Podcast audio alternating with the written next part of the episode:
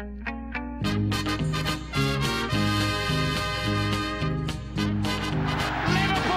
are champions of Europe again.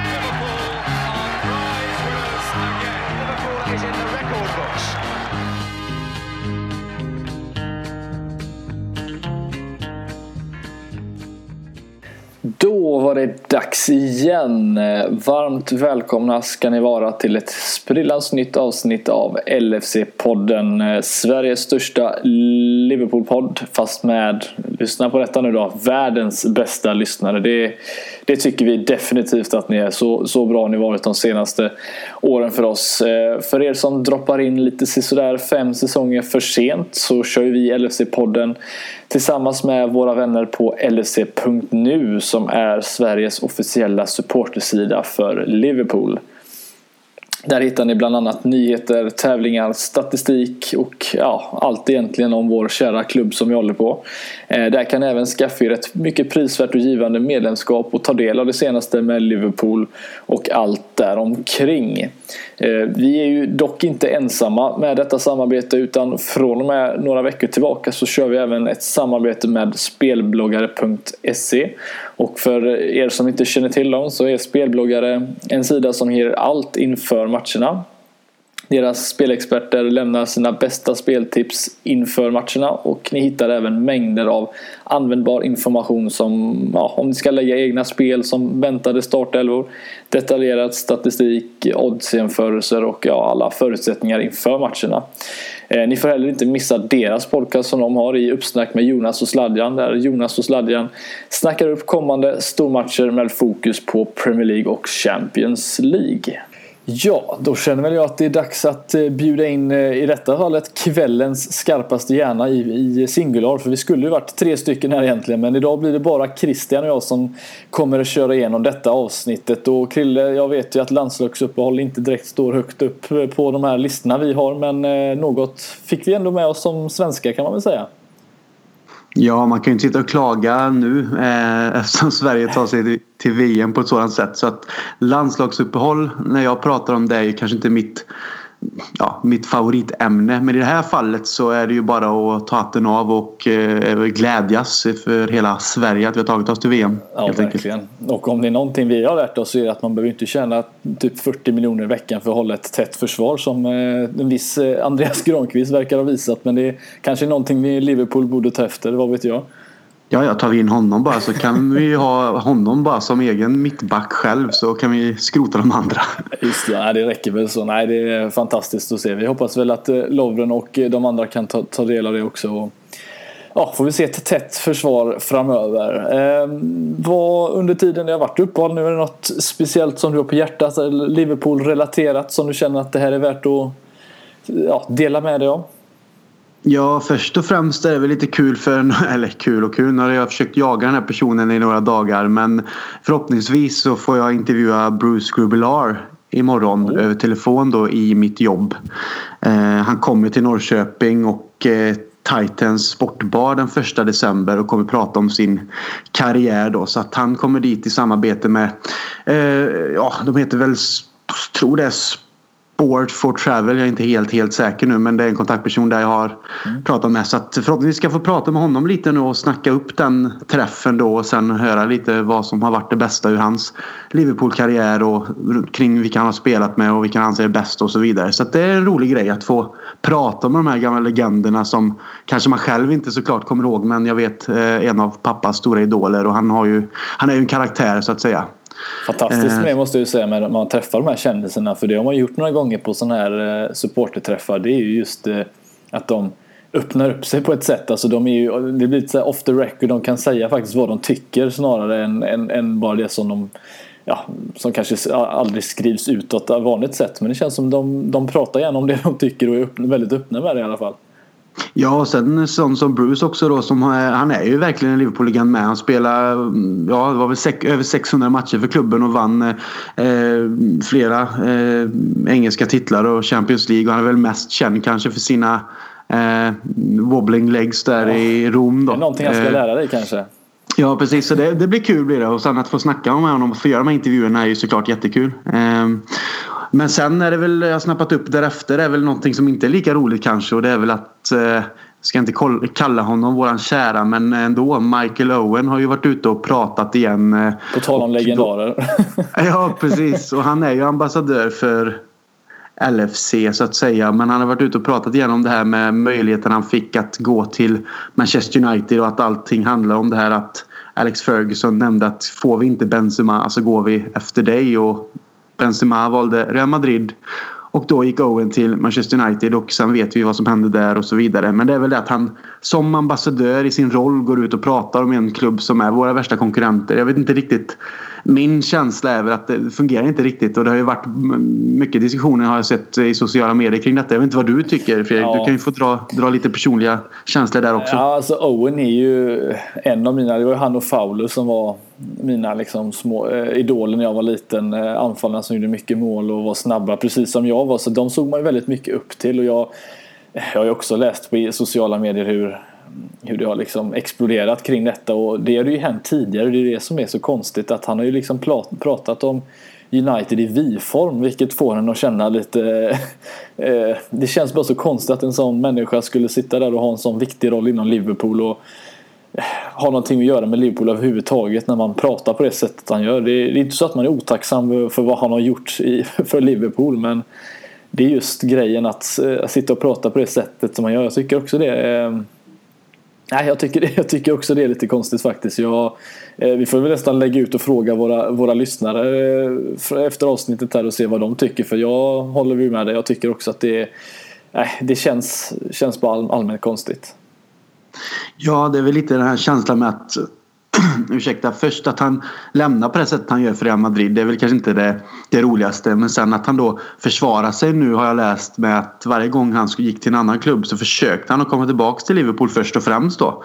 Eh, fine att han har spelat för andra klubbar och det är egentligen, jag bryr mig inte att han har spelat för men men United heller egentligen. Liksom. Men det är väl att han går ut och pratar om det i sin roll som ambassadör för eh, Liverpool Football Club. Och det är ju det som det blir fel. Vad han har gjort under sin karriär egentligen skiter jag fullständigt i. Men just nu är han i en roll där han representerar oss. Och då tycker man ju bara att han borde ha en känsla av att ja, men allt annat kan man hålla tyst om. Den dagen han lämnar eh, Liverpool som ambassadör så visst, prata om vad du vill. Men eh, det skapar ju onekligen liksom ett argt läger bland fansen. Så att, ja. eh, tyck till på vår Twitter, Facebook eller vad som helst. Liksom, och, och, och, och, skriv ner vad ni tycker om Owen som ambassadör så får vi se lite vad, vad lyssnarna mm. säger om saken. Vem hade du helst velat se då? Jag, jag har ju en favorit som, som jag kan dra om, om inte du tycker samma samma sak. Men eh, någon speciell som du känner att du hellre hade velat haft som ansiktet utåt istället för Owen?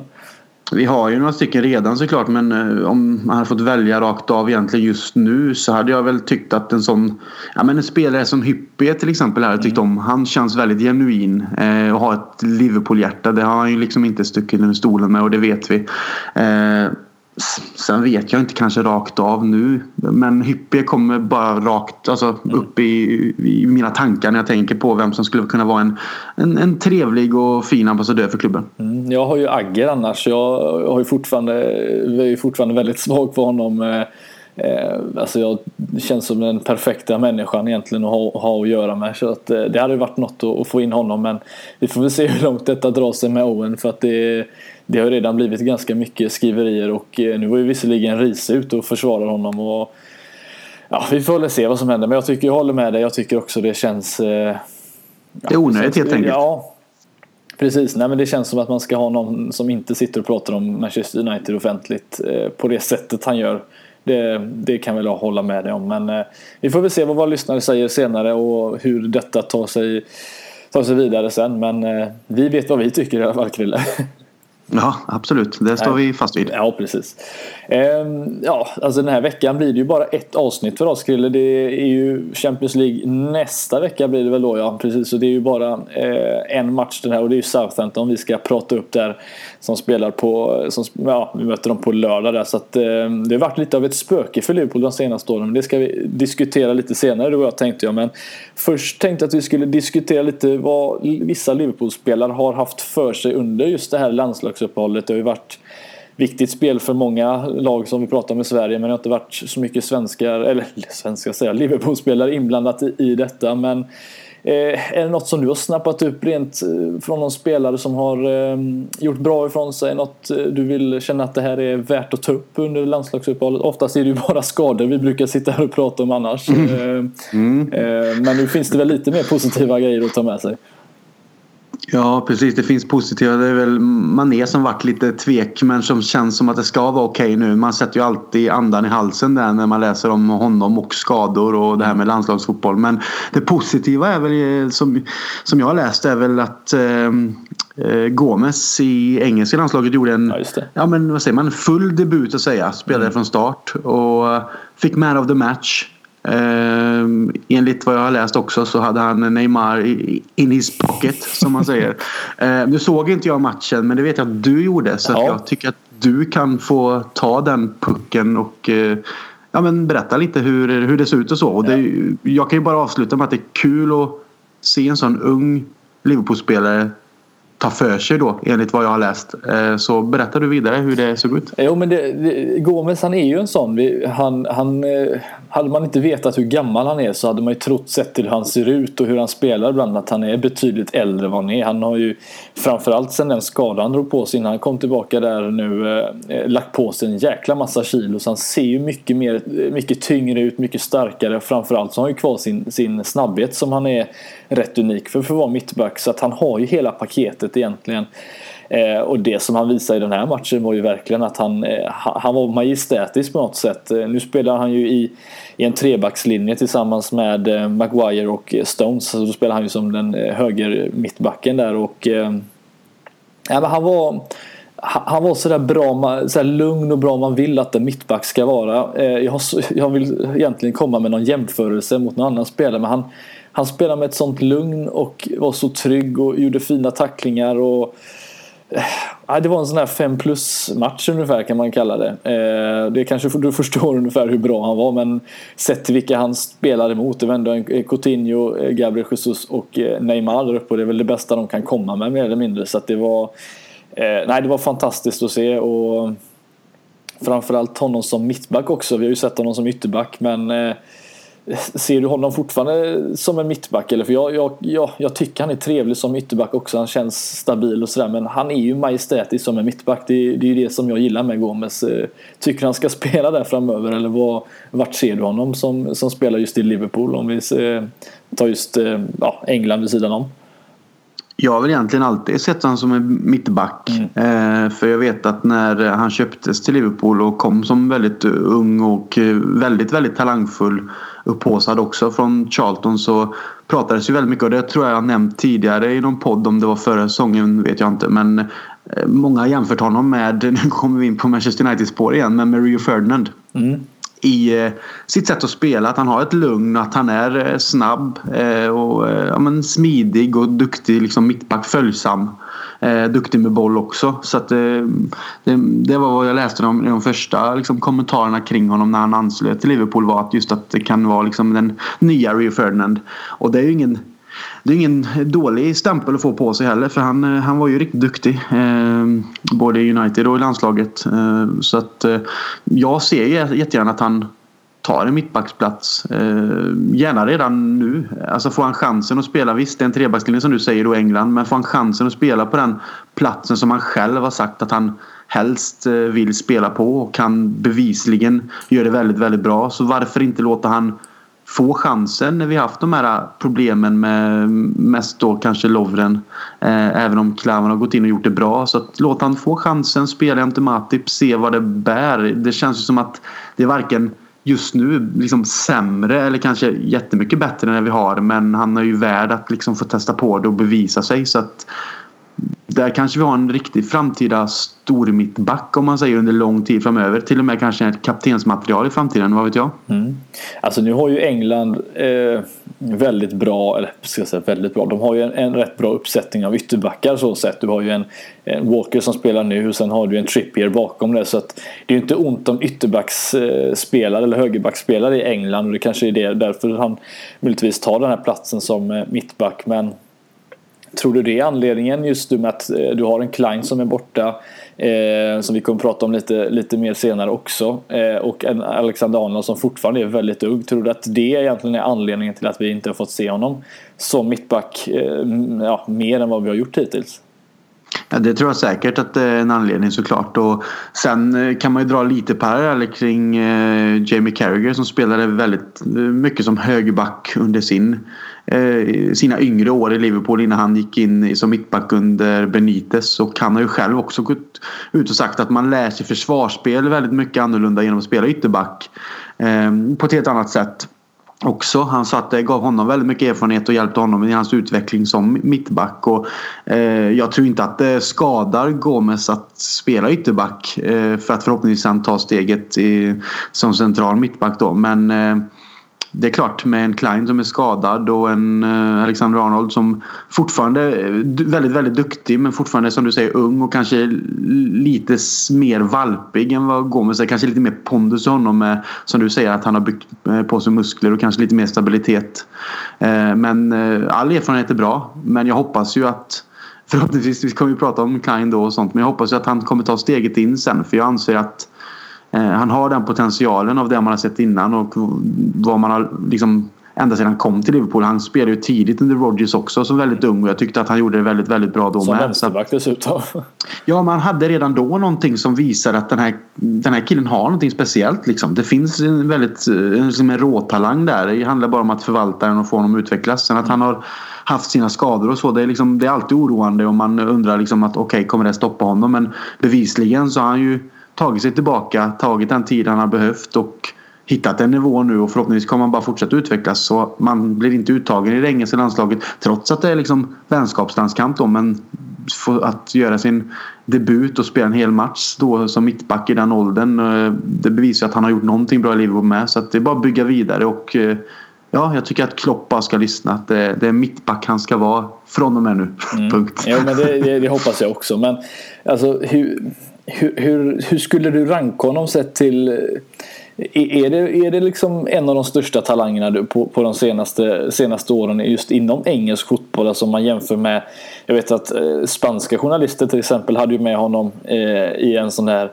eh, To watch, eh, liksom talents to watch eh, in the future ungefär. Eh, och, och, det är ju inte ofta en, en engelsk spelare kanske kommer med i en i en spansk sån tidning. Det brukar ju vara väldigt mycket brassar, spanjorer, tyskar, holländare och så vidare. Men här fick vi med en, en, en Joe Gomez. Skulle du säga att han är liksom framtiden på det sättet eller, eller tror du att eller hur ser du hans framtid inom Liverpool? Tror du att han tar det steget i framtiden om han just nu får spela mittback där han ser ut att trivas bäst?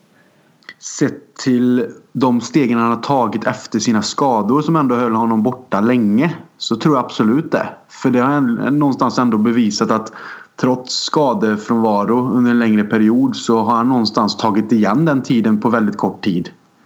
Känns det som i alla fall. Det är inte så att han har halkat efter utan jag tycker han egentligen går från klarhet till klarhet. Och jag håller med dig. Jag tror att han är en av de största talangerna inom engelsk fotboll. Eh, inte bara försvarsmässigt utan i sin helhet. Och det var väl inte, det kanske var förra säsongen med. Det pratades om att Real Madrid var lite sugen på att försöka locka över honom eh, som någon slags ersättare till Ramos i, inom några år. Eh, tror att det ryktades om lite med. Så att jag tror absolut att han har ögonen på sig från eh, många håll. Men han är i Liverpool och det är där vi får fokusera. Och jag, jag, min, min magkänsla just till vad man har sett av honom säger att han kommer liksom bli en, en, en riktigt, riktigt bra mittback. Och vi får bara hoppas att han når kanske nivån till världsklass också. För det tror jag att vi... Eh, jag tror ändå att vi kommer ha en spelare som kommer göra väldigt stor nytta för oss i Joe Gomez. Mm. Om vi stannar vid just den mittbacksplatsen då, för vi har ju, ja det sätter sig i varenda gång tror jag, men vi, vi har ju pratat väldigt mycket mittbackar i, i, i, de, i podden här de senaste eh, ja, månaderna egentligen. Eh, och nu verkar det som, enligt rykten som ser ut att vara bekräftade i alla fall, att vi hade scouter som var kikare på Atletico Madrids José Jiménez eh, när Uruguay mötte Österrike här under landslagsuppehållet. Och det är en spelare det har ryktats tidigare om. Han har ett kontrakt som går ut under 2018. Eh, vi börjar närma oss januarifönstret här. Eh, på, på grund av den här Klein-skadan, tror du att eh, en ny, ny mittback är det som kommer hända i Liverpool i och med att van Dijk gick, eh, gick ju inte igenom riktigt. Eh, och vad händer i så fall med Gomes? Är det, är det en, en Matip som är gjuten i den eh, startplatsen och att han aldrig kommer ta den under den här säsongen utan att vi får se det mer som en framtidstro på att han ska ta den platsen? Ja, alltså jag anser att vi behöver en mittback minst eh, så fort som möjligt. Ja, ja, men det är liksom det, så att det här med Jiménez som det ryktas om. Nu har inte jag sett honom så jättemycket men han spelar ju ändå i Atletico Madrid som är ett fruktansvärt duktigt och roligt. Han är en gris roligt. på ett bra sätt alltså. Han är, ja. han är en krigare. Det är det jag tror Klopp gillar i honom. Han är, han är en bra mittback men han är ett han köttar, han vinner boll, han är, han är tuff som fasen alltså. Och jag tror det är det som Klopp gillar honom. Eh, ja, jag har ju sett honom det, Ja men lite den bilden jag ändå har fått trots att jag inte sett honom jättemycket. Jag har ändå sett Atletico Madrid men jag kanske inte har reflekterat över just det. Men det är ändå den bilden jag har fått att han inte är en han, han är kanske inte en typisk syd, sydamerikan eh, så utan jag kan ju säga att Jiménez och han eh, Diego Godin där som också är en typisk krigare mm. kan jag tycka. Att liksom, sådana mittbackar är ju någonting som Liverpool egentligen skulle ha väldigt stor nytta av. Så att jag är rätt så glad över det ryktet. Och om han då har ett kontrakt som går ut så att det går att locka över honom på en free transfer så varför inte? Han är, han är ung och väldigt talangfull av det jag har sett. Så att jag vet inte, det får du kanske bedöma mer än jag om det är en spelare som Liverpool borde gå efter. Men mm. jag skulle inte tacka nej även om vi har kvar våran uppsättning av mittbackar och sett till Joe Gomez så tror jag att han har ändå den talangen som gör att han i, inom en relativt snar framtid oavsett om vi plockar in någon riktigt duktig mittback ytterligare så kommer han ändå ta en plats faktiskt. Eh, för jag, jag tror att han inom kort kommer vara lika bra som till exempel Matip om man ser till åldersmässigt då. Jag tror inte att det dröjer länge innan är på, han är på samma nivå och förbi. Men du kan få dra lite mer om Jiménez där om du tycker att det är en spelare som Liverpool borde gå efter. Jo, men jag tycker ändå det. Alltså, det är ändå en, en, en mittback som har eh, som har fått spela under en Simeone som är kanske en av de absolut bästa på att ställa upp ett bra försvar. Eh, jag har ju sett under ganska många säsonger nu och det är ju kontraster med hur han ställer upp sitt lag och hur Liverpool ställer upp sitt lag. Men han har ju på något sätt ändå blivit utbildad att, att stå rätt, eh, att försvara på ett visst sätt som jag tror Liverpool hade haft eh, rätt stor nytta av. Eh, och sett till att man får se en John Henry åka tunnelbana så kanske det är så att free transfers är det vi har råd med nu för tillfället. om, om du såg den bilden som florerat på Twitter. Det kanske är free transfer som är vårt sätt att, att gå, gå tillväga just nu. Men, nej, men skämt åsido, det är det är en spelare som jag, det, alltså han är ung, eh, kommer utvecklas. Eh, det finns en del sydamerikaner i vårt lag också.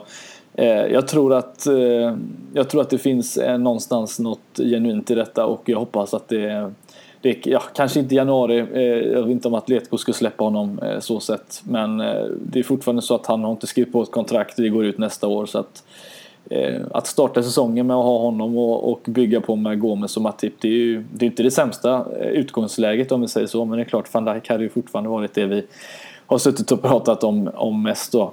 Eh, så att nej jag tror att det hade varit en eh, ja, ett, ett bra val att få in faktiskt. Det känns som att Liverpool hade behövt lite lite svineri i försvaret. Eh, någon som, eh, någon som skriker och, och ställer rätta för jag tycker inte att vi har en sån mittback och inte haft det sen Carragher egentligen. Och det, nej, jag, jag tycker, tycker också att ett försvar behöver någon som står och skriker. Jag, jag är kanske gammaldags i det, men jag tycker att du behöver någon som står och säger till vad alla andra ska stå.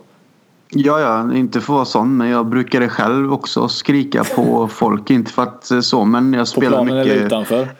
Nej, på planen. men eh, om man drar bara en liten snabb parallell så spelar mycket företagsfotboll i England när jag bodde där. Eh, många från Bet365 från olika nationaliteter som spelade. Ofta var vi skandinaver mot, eh, ska vi kalla det resten med spanjorer, italienare och så vidare. Men vi skandinaver är väldigt taktiskt eh, drillade medan de kanske är lite mer individualister som vill göra saker. Och, men vi, vi är sådana. Vi liksom vill stå rätt och att folk ska stå rätt och att täcka ytor och att det ska liksom förflyttas rätt och så vidare. Så att jag var själv en sån som jag ska inte säga skrek, men som hela tiden pratade och sa till folk att det ska göras på rätt sätt. Även om det var på skoj. Och jag tror att oavsett vilken nivå du spelar på så krävs det någon som tar ledarrollen och liksom någonstans pushar lite och säger ifrån. Annars så finns det nog ändå Liksom, eh, jag tror att många ändå faller in i en viss bekvämlighet och att kanske inte riktigt ta det där extra steget eller springa de extra meterna om det inte finns någon som skäller på dig. Och spelar ingen roll om du är proffs eller inte. Mm. För det ser man ju faktiskt bevisligen att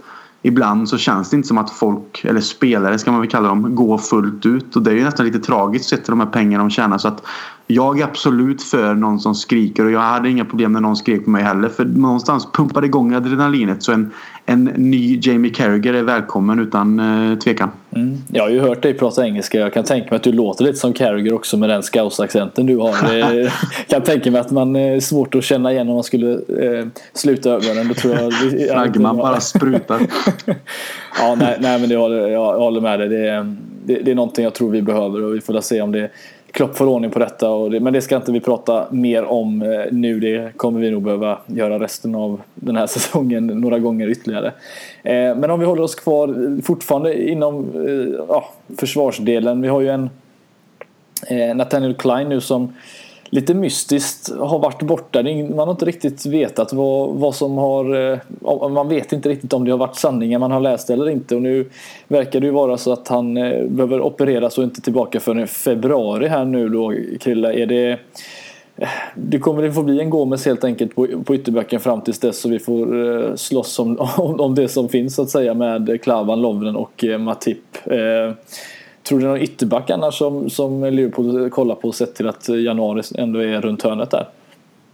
Nej, jag tror faktiskt inte det om jag ska vara ärlig. Precis som du säger så har vi någon, ändå en mittbacksuppsättning som jag tror, eh, så länge det inte kommer skada på skada, som eh, eh, jag tror att Liverpool kommer, som sagt det är klart de kommer rotera på dem eh, när det krävs. Annars tror jag att det blir Joe Gomez och Alexander Arnold såklart som kommer styra över den högerbacksplatsen. Milner och, kanske eh, också. Ja, Milner finns ju också att tillgå såklart. Så att det, det, finns en uppbackning. Så jag tror inte att högerbacksplatsen är prioriterad överhuvudtaget nu. Utan i så fall är det en mittbacksplats och, och andra positioner eh, inom laget. Så att det blir de lite yngre som får ta det ansvaret. Och jag tycker att de har gjort det bra hittills. Så att det är bara att lägga förtroende hos dem och så låta, låta dem fortsätta utvecklas. Mm. Ja, men vi, vi, får se hur det slutar där. Det, det, det, finns några spelare som kan vikariera. Vi har eh, förhoppningsvis någonting bättre att bygga på. Så att eh, vi kanske inte behöver prata så mycket försvarsspel längre fram utan bara ta det som det är och hoppas att Klopp ja, lyckas lösa detta på något sätt. Eh, något som jag, nu ställer jag frågan till dig förutom nu snappat upp något, men något som jag snappat upp som desto mer positivt än, än eh, att prata Michael Owen och Manchester United det är ju Adam Lallana eh, som spelat, ja varit tillbaka i full träning men inte riktigt varit kanske matchformen där som har varit lite annorlunda att han inte kommit in i den som han inte har spelat. Eh, vad, vad, säger vi om, eh, tror du att han får en plats här redan nu på, på lördag mot Southampton? Eh, hur tror du att eh, Klopp ställer sig inför detta nu när vi har, vi har ju pratat mittfält ganska många gånger att anfallet är ganska säkrat, det vet vi, men mittfältet är ju fortfarande ganska ovisst. Eh, är det någon som går in direkt på mittfältet så fort han är, är redo eller är, tror du att han eh, kommer behöva spela någon på, no, på något annan, annan position eller liknande? Nej, jag tror väl inte att han går in direkt. Det skulle kännas lite konstigt efter att han har varit skadad så pass länge att riskera. Man, man vet ju aldrig. Även om han anses vara kanske fullt frisk, återställd så är det ju en matchform också. Det tar ju tid att bygga upp kanske för en Alltså konditionsmässigt och att orka en match i ett sånt tempo. Men eh, är han frisk på ett sånt sätt att han kan sitta på en bänk och få kanske 20 minuter i benen så är det ju bara positivt. Men jag skulle ju inte vilja att vi riskerar honom eh, eftersom att jag anser att vi verkligen, verkligen behöver honom också. Mm. Så att han är en spelare som har något annat att erbjuda än många andra mittfältare vi har. Om han nu då spelar mittfältet. Men han har en aggressivitet och vi vet att han har ett pressspel som han tog till sig Klopps filosofi direkt. Och sen är han en, en spelare med finess. Han kan vända lite ut och in och han har en duktig passningsspelare och han eh, började göra en del poäng med. Så att viktigare att få tillbaka honom i en sådan eh, vad ska man kalla det? Form blir fel utan eh, mer i ett sånt skick att han klarar av att fortsätta spela utan skador än att riskera honom. Men kan han komma in och spela ett antal minuter mot Southampton så är det ju eh, positivt. Men då är det kanske ett läge där vi förhoppningsvis leder redan och att han inte behöver känna den pressen utan att han mest får matchtempo i benen. Då. Mm. Men han har ju lite varit som, eh, som den här mönstereleven i klassen ungefär fast för Klopp det känns som att han är en, en liten personlig favorit för honom för att han just har tagit till det han har, eh, har pratat väldigt mycket om och försöker eh, få ha som spelidé också. Eh, men om, om du säger att alla var friska här nu då och du fick ställa upp ett mittfält för anfallet kan vi väl nästan vara om, om alla de är friska att vi har ett, ett anfall av eh, Salah, eh, Mané och Firmino. Hur skulle du ställa upp mittfältet om alla var friska och du fick ja, fritt val att lägga upp det hur du ville?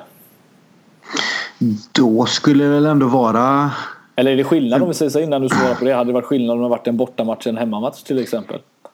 Ja, där hade det varit skillnad tror jag. Men eh, hemmamatch mot 15 och att alla är friska så hade jag väl haft ett som sagt mittfält centralt där med eh, Coutinho, Lalana och Chan för tillfället faktiskt. Det är väl det mest eh. spelskickliga egentligen eh, känns det som. Ändå lite box till box tanke bakom det hela.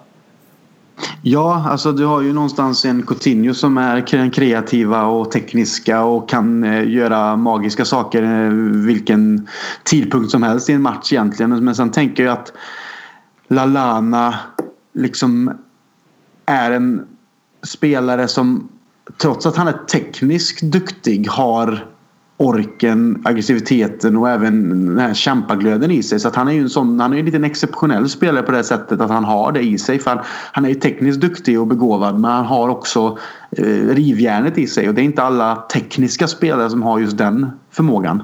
Eh, så att han bidrar med mer än att bara vara en duktig fotbollsspelare just när det kommer till att kunna skapa eh, saker och ting i en match. Han bidrar liksom med det som kanske behövs på ett mittfält eh, på det sättet. Sen Chan är väl eh, lite mer Ja men typ rivjärnet då. Och han har ju fortfarande en duktig passningsfot och vi vet ju egentligen vad han kan så. Men det känns som att Coutinho, Lalana och Chan vore en väldigt skön blandning på hemmaplan. Sen däremot på bortaplan är en annan fråga.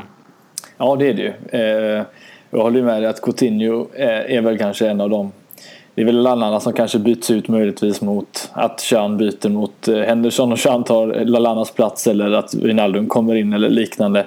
Eh, även Milner och Chamberlain går ju faktiskt att putta in där också om det skulle vara så. Men eh, alltså, alltså, vi pratade ju om Gomes där mot, mot Brasilien och Coutinho spelade den matchen och han spelade ju ytteranfallare den matchen, alltså en höger ytter och jag måste ju säga att det var ju lite jobbigt att kolla kan jag ju säga. Det var, han känns ju inte som att han gör sig rätta där ute. Eh, om ens till vänster så till höger var han ju... Ja, det var...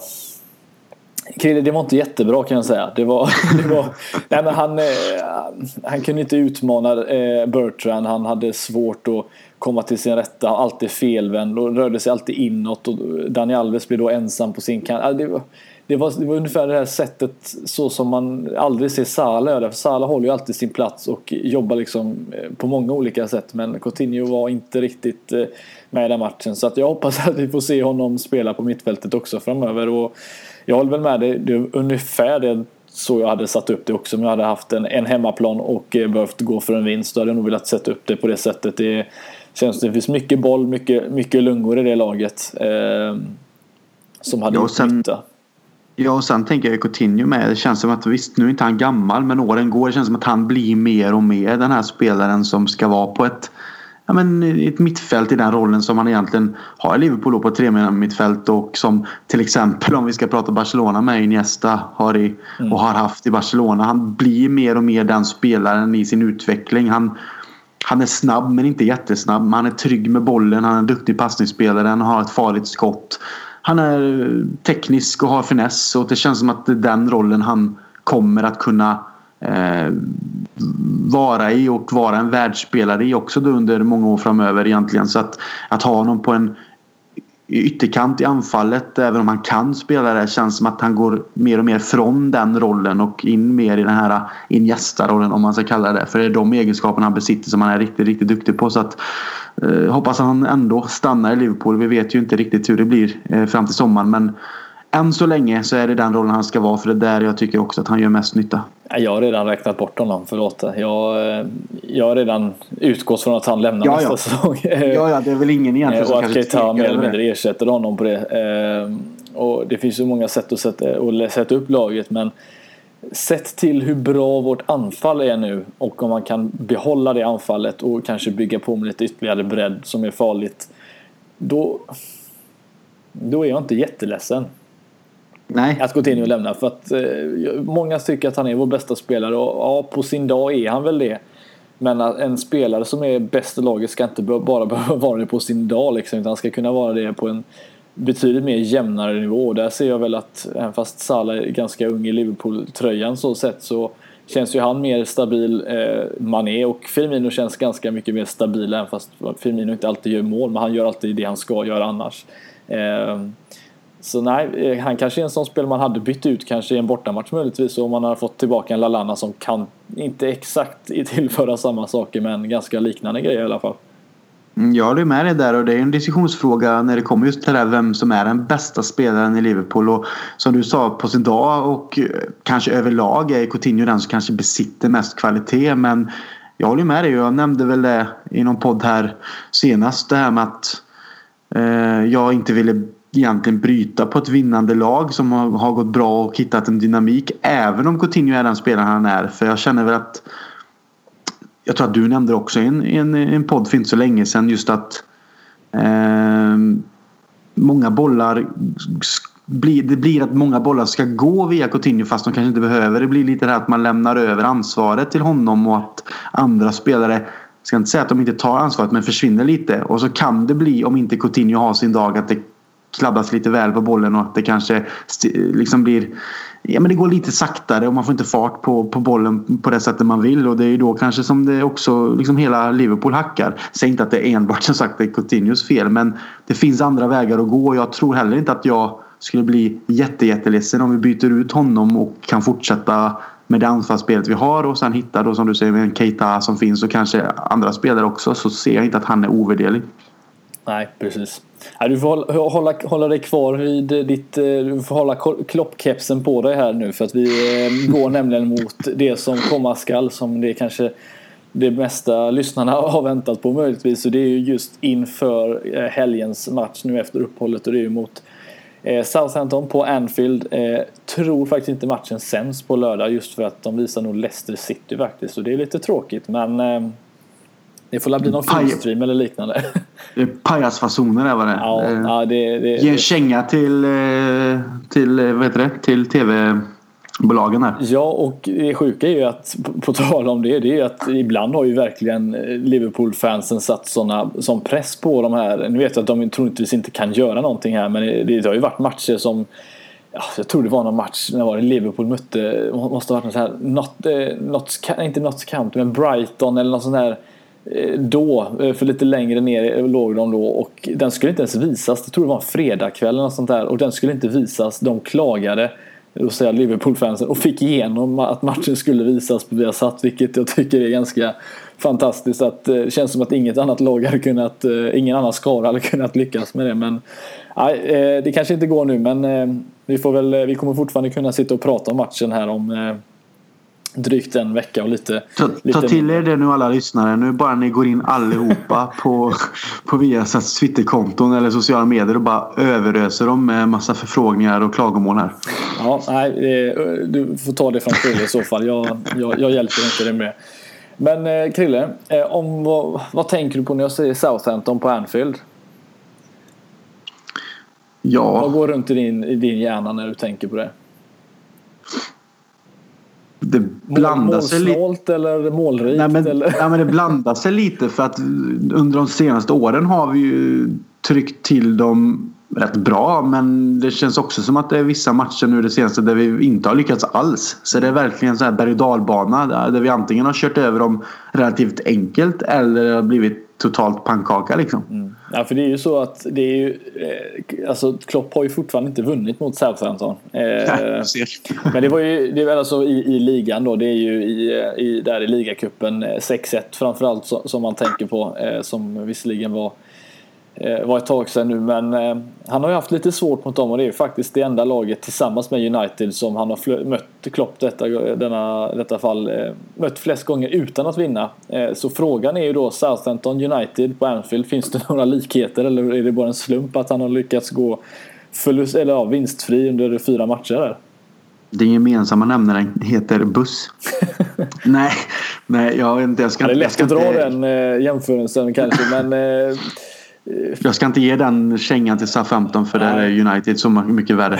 Men eh, jag vet inte. Alltså Southampton är ett stabilt lag. Jag har egentligen alltid tyckt om dem sen de någonstans gjorde en eh, återentré i Premier League och de hade både Lambert och Lalana. Alltså sedan de kom tillbaks egentligen tycker jag att de har gått från klarhet till klarhet med. Även om de har tappat många duktiga spelare på vägen, särskilt till oss.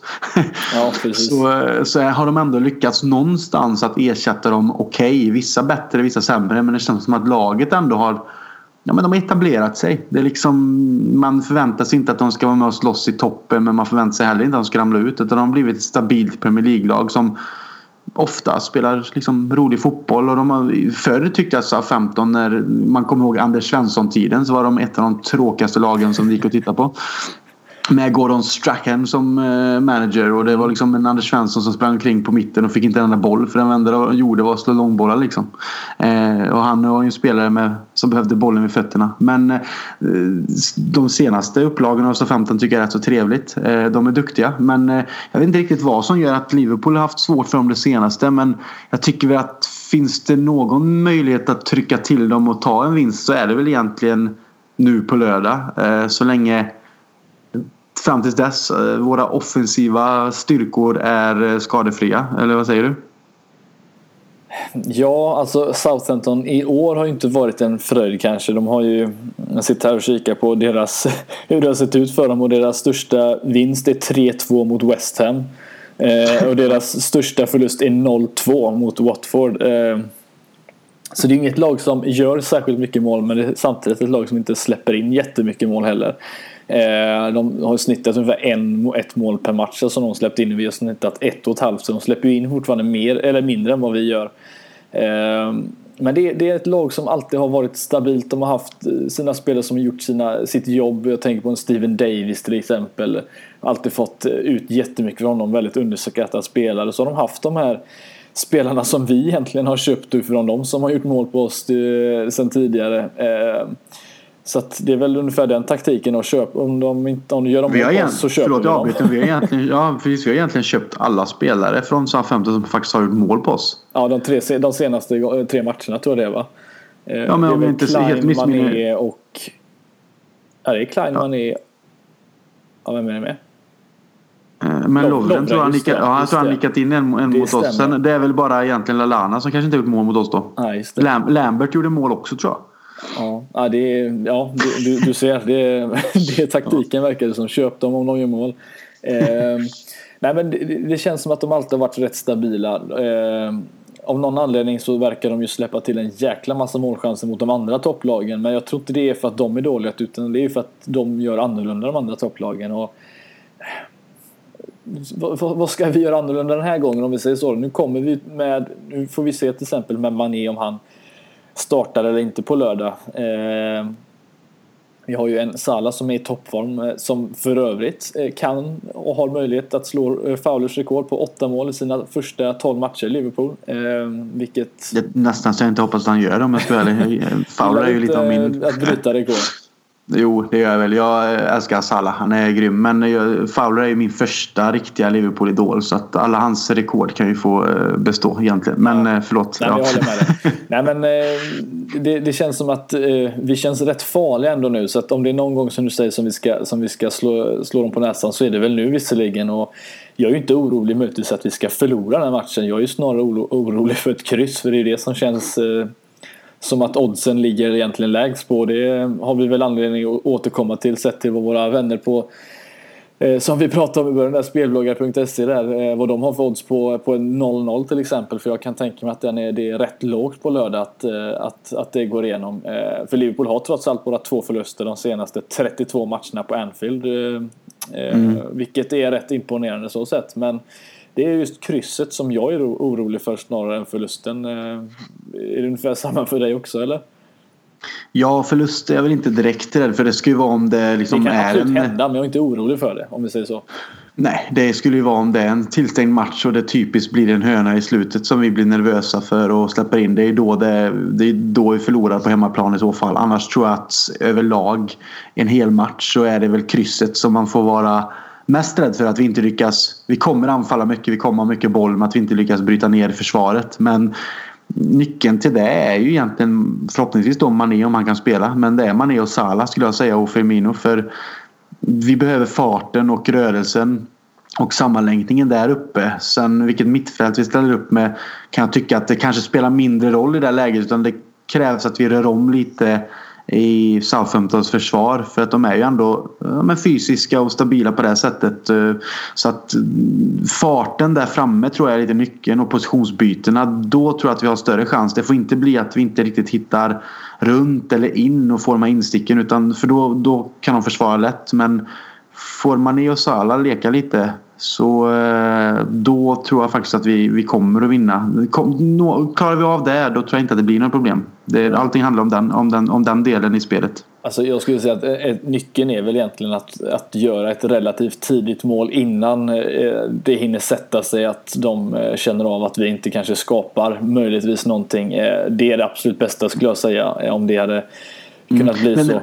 Men det, jag vill dra en liten grej bara. Nu, ska vi, nu kommer vi in på det igen och det är ja. sjukt egentligen att jag pratar om Manchester United när vi har suttit och sågat Owen om det. Men det är lite att om man ser till det laget som United var förr under Ferguson mm. så är det just det att det spelar ingen roll om de gjorde ett mål Alltså om de inte, inte fick in ett mål under kanske de första 60-70 minuterna för att man kunde nästan vara säker att de skulle lyckas göra ett mål ändå just på hemmaplan. Det fanns liksom ingen stress. Det fanns en tro på att vi kommer göra mål. De hade tålamod och fortsatte röra sig, spela runt. Och det, det är där skillnaden är. Att när Liverpool får eh, en match där det tar tid att få första målet. Då någonstans blir det mental spärr och spelet stannar av. Det blir dåligt, det blir stressat. Det känns som att ingenting funkar. Och där är ju skillnaden att vara ett vinnande lag i det långa loppet och ett lag som inte slåss om titlarna till exempel. Så att, det är som du säger, nyckeln är väl kanske att få ett tidigt mål men det är ju ofta. Men jag känner ju så här att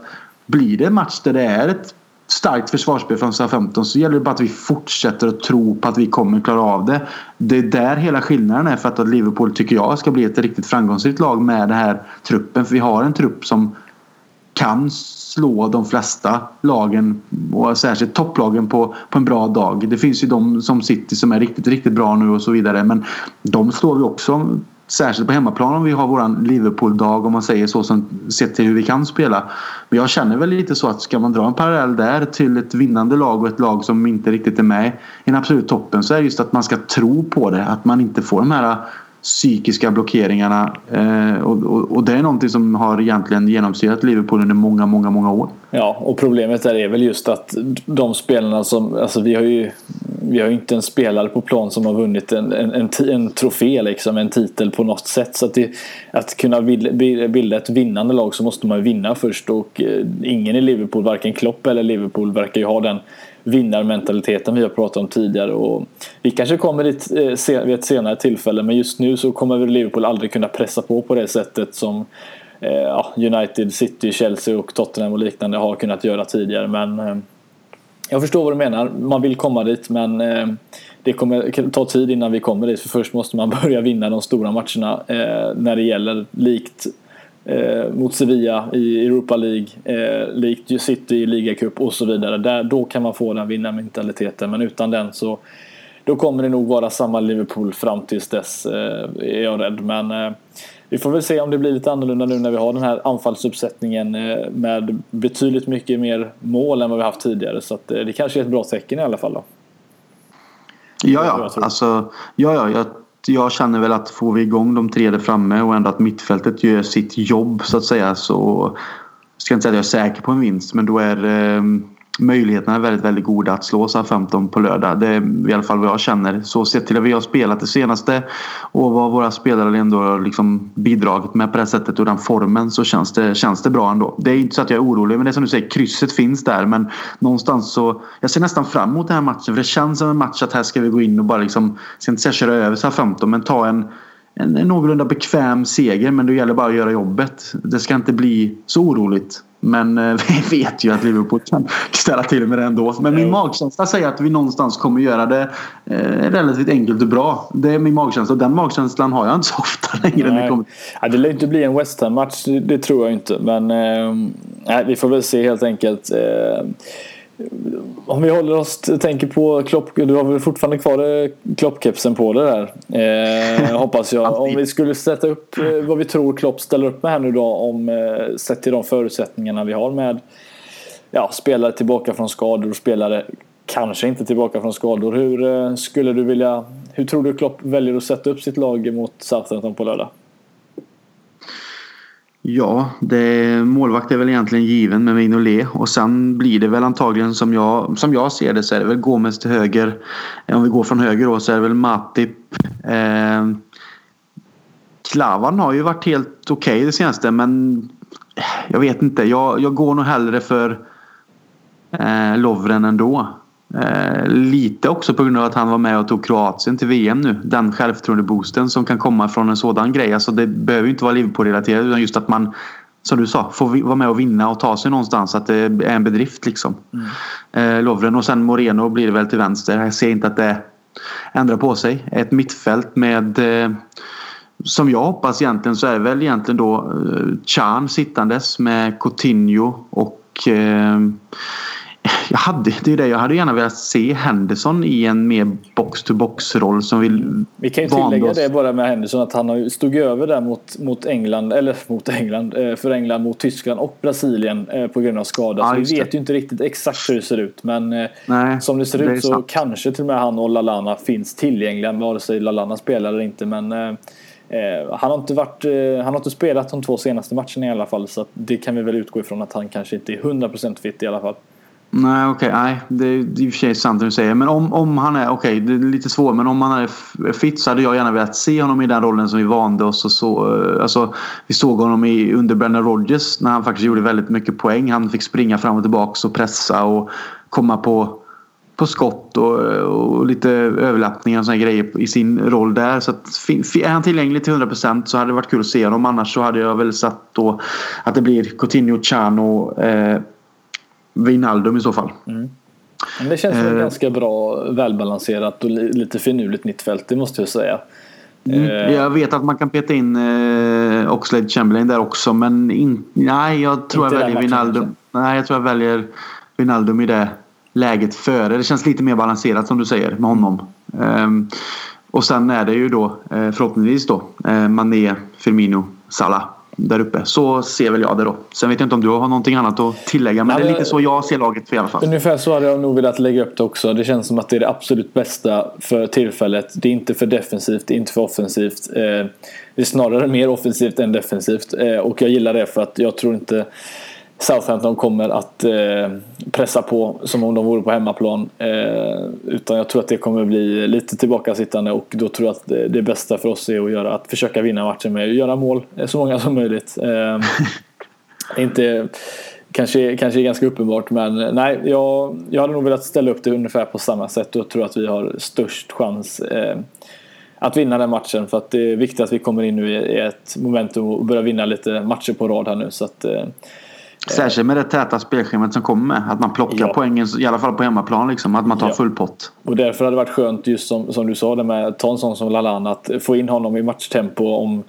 ja, skönt hade det varit om man hade kunnat haft en 3-0-seger liksom, i 60 minuten eh, redan avklarad mot Southampton om det hade gått. Och kunnat få in lite spelare som, som ska komma in i det hela. Det hade varit det optimala. Men eh, det, det, vet vi att det inte händer allt för ofta. Så att, eh, eh, men viktigt att få in vissa spelare så att eh, de kommer få spela framöver också. Sett till hur många matcher vi kommer spela nu fram till januari, februari. Så att det kommer bli tight. Eh, Van Dijk på hörna i 90 vad, vad tror du om det?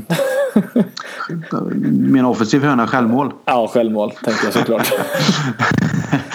Uh, nej, det vore inte så kul. För att uh, skulle han göra ett... Uh, han kanske gör oss en tjänst den här gången, vi vet inte. Ja, men gör han ett 0-1 mot oss i säg liksom, ja, 90 plus på en, på en jävla hörna så Ja, det blir så här, aha, nej, vi skiter liksom att köpa honom då om det dyker upp möjligheter. Liksom, det är inte kul längre.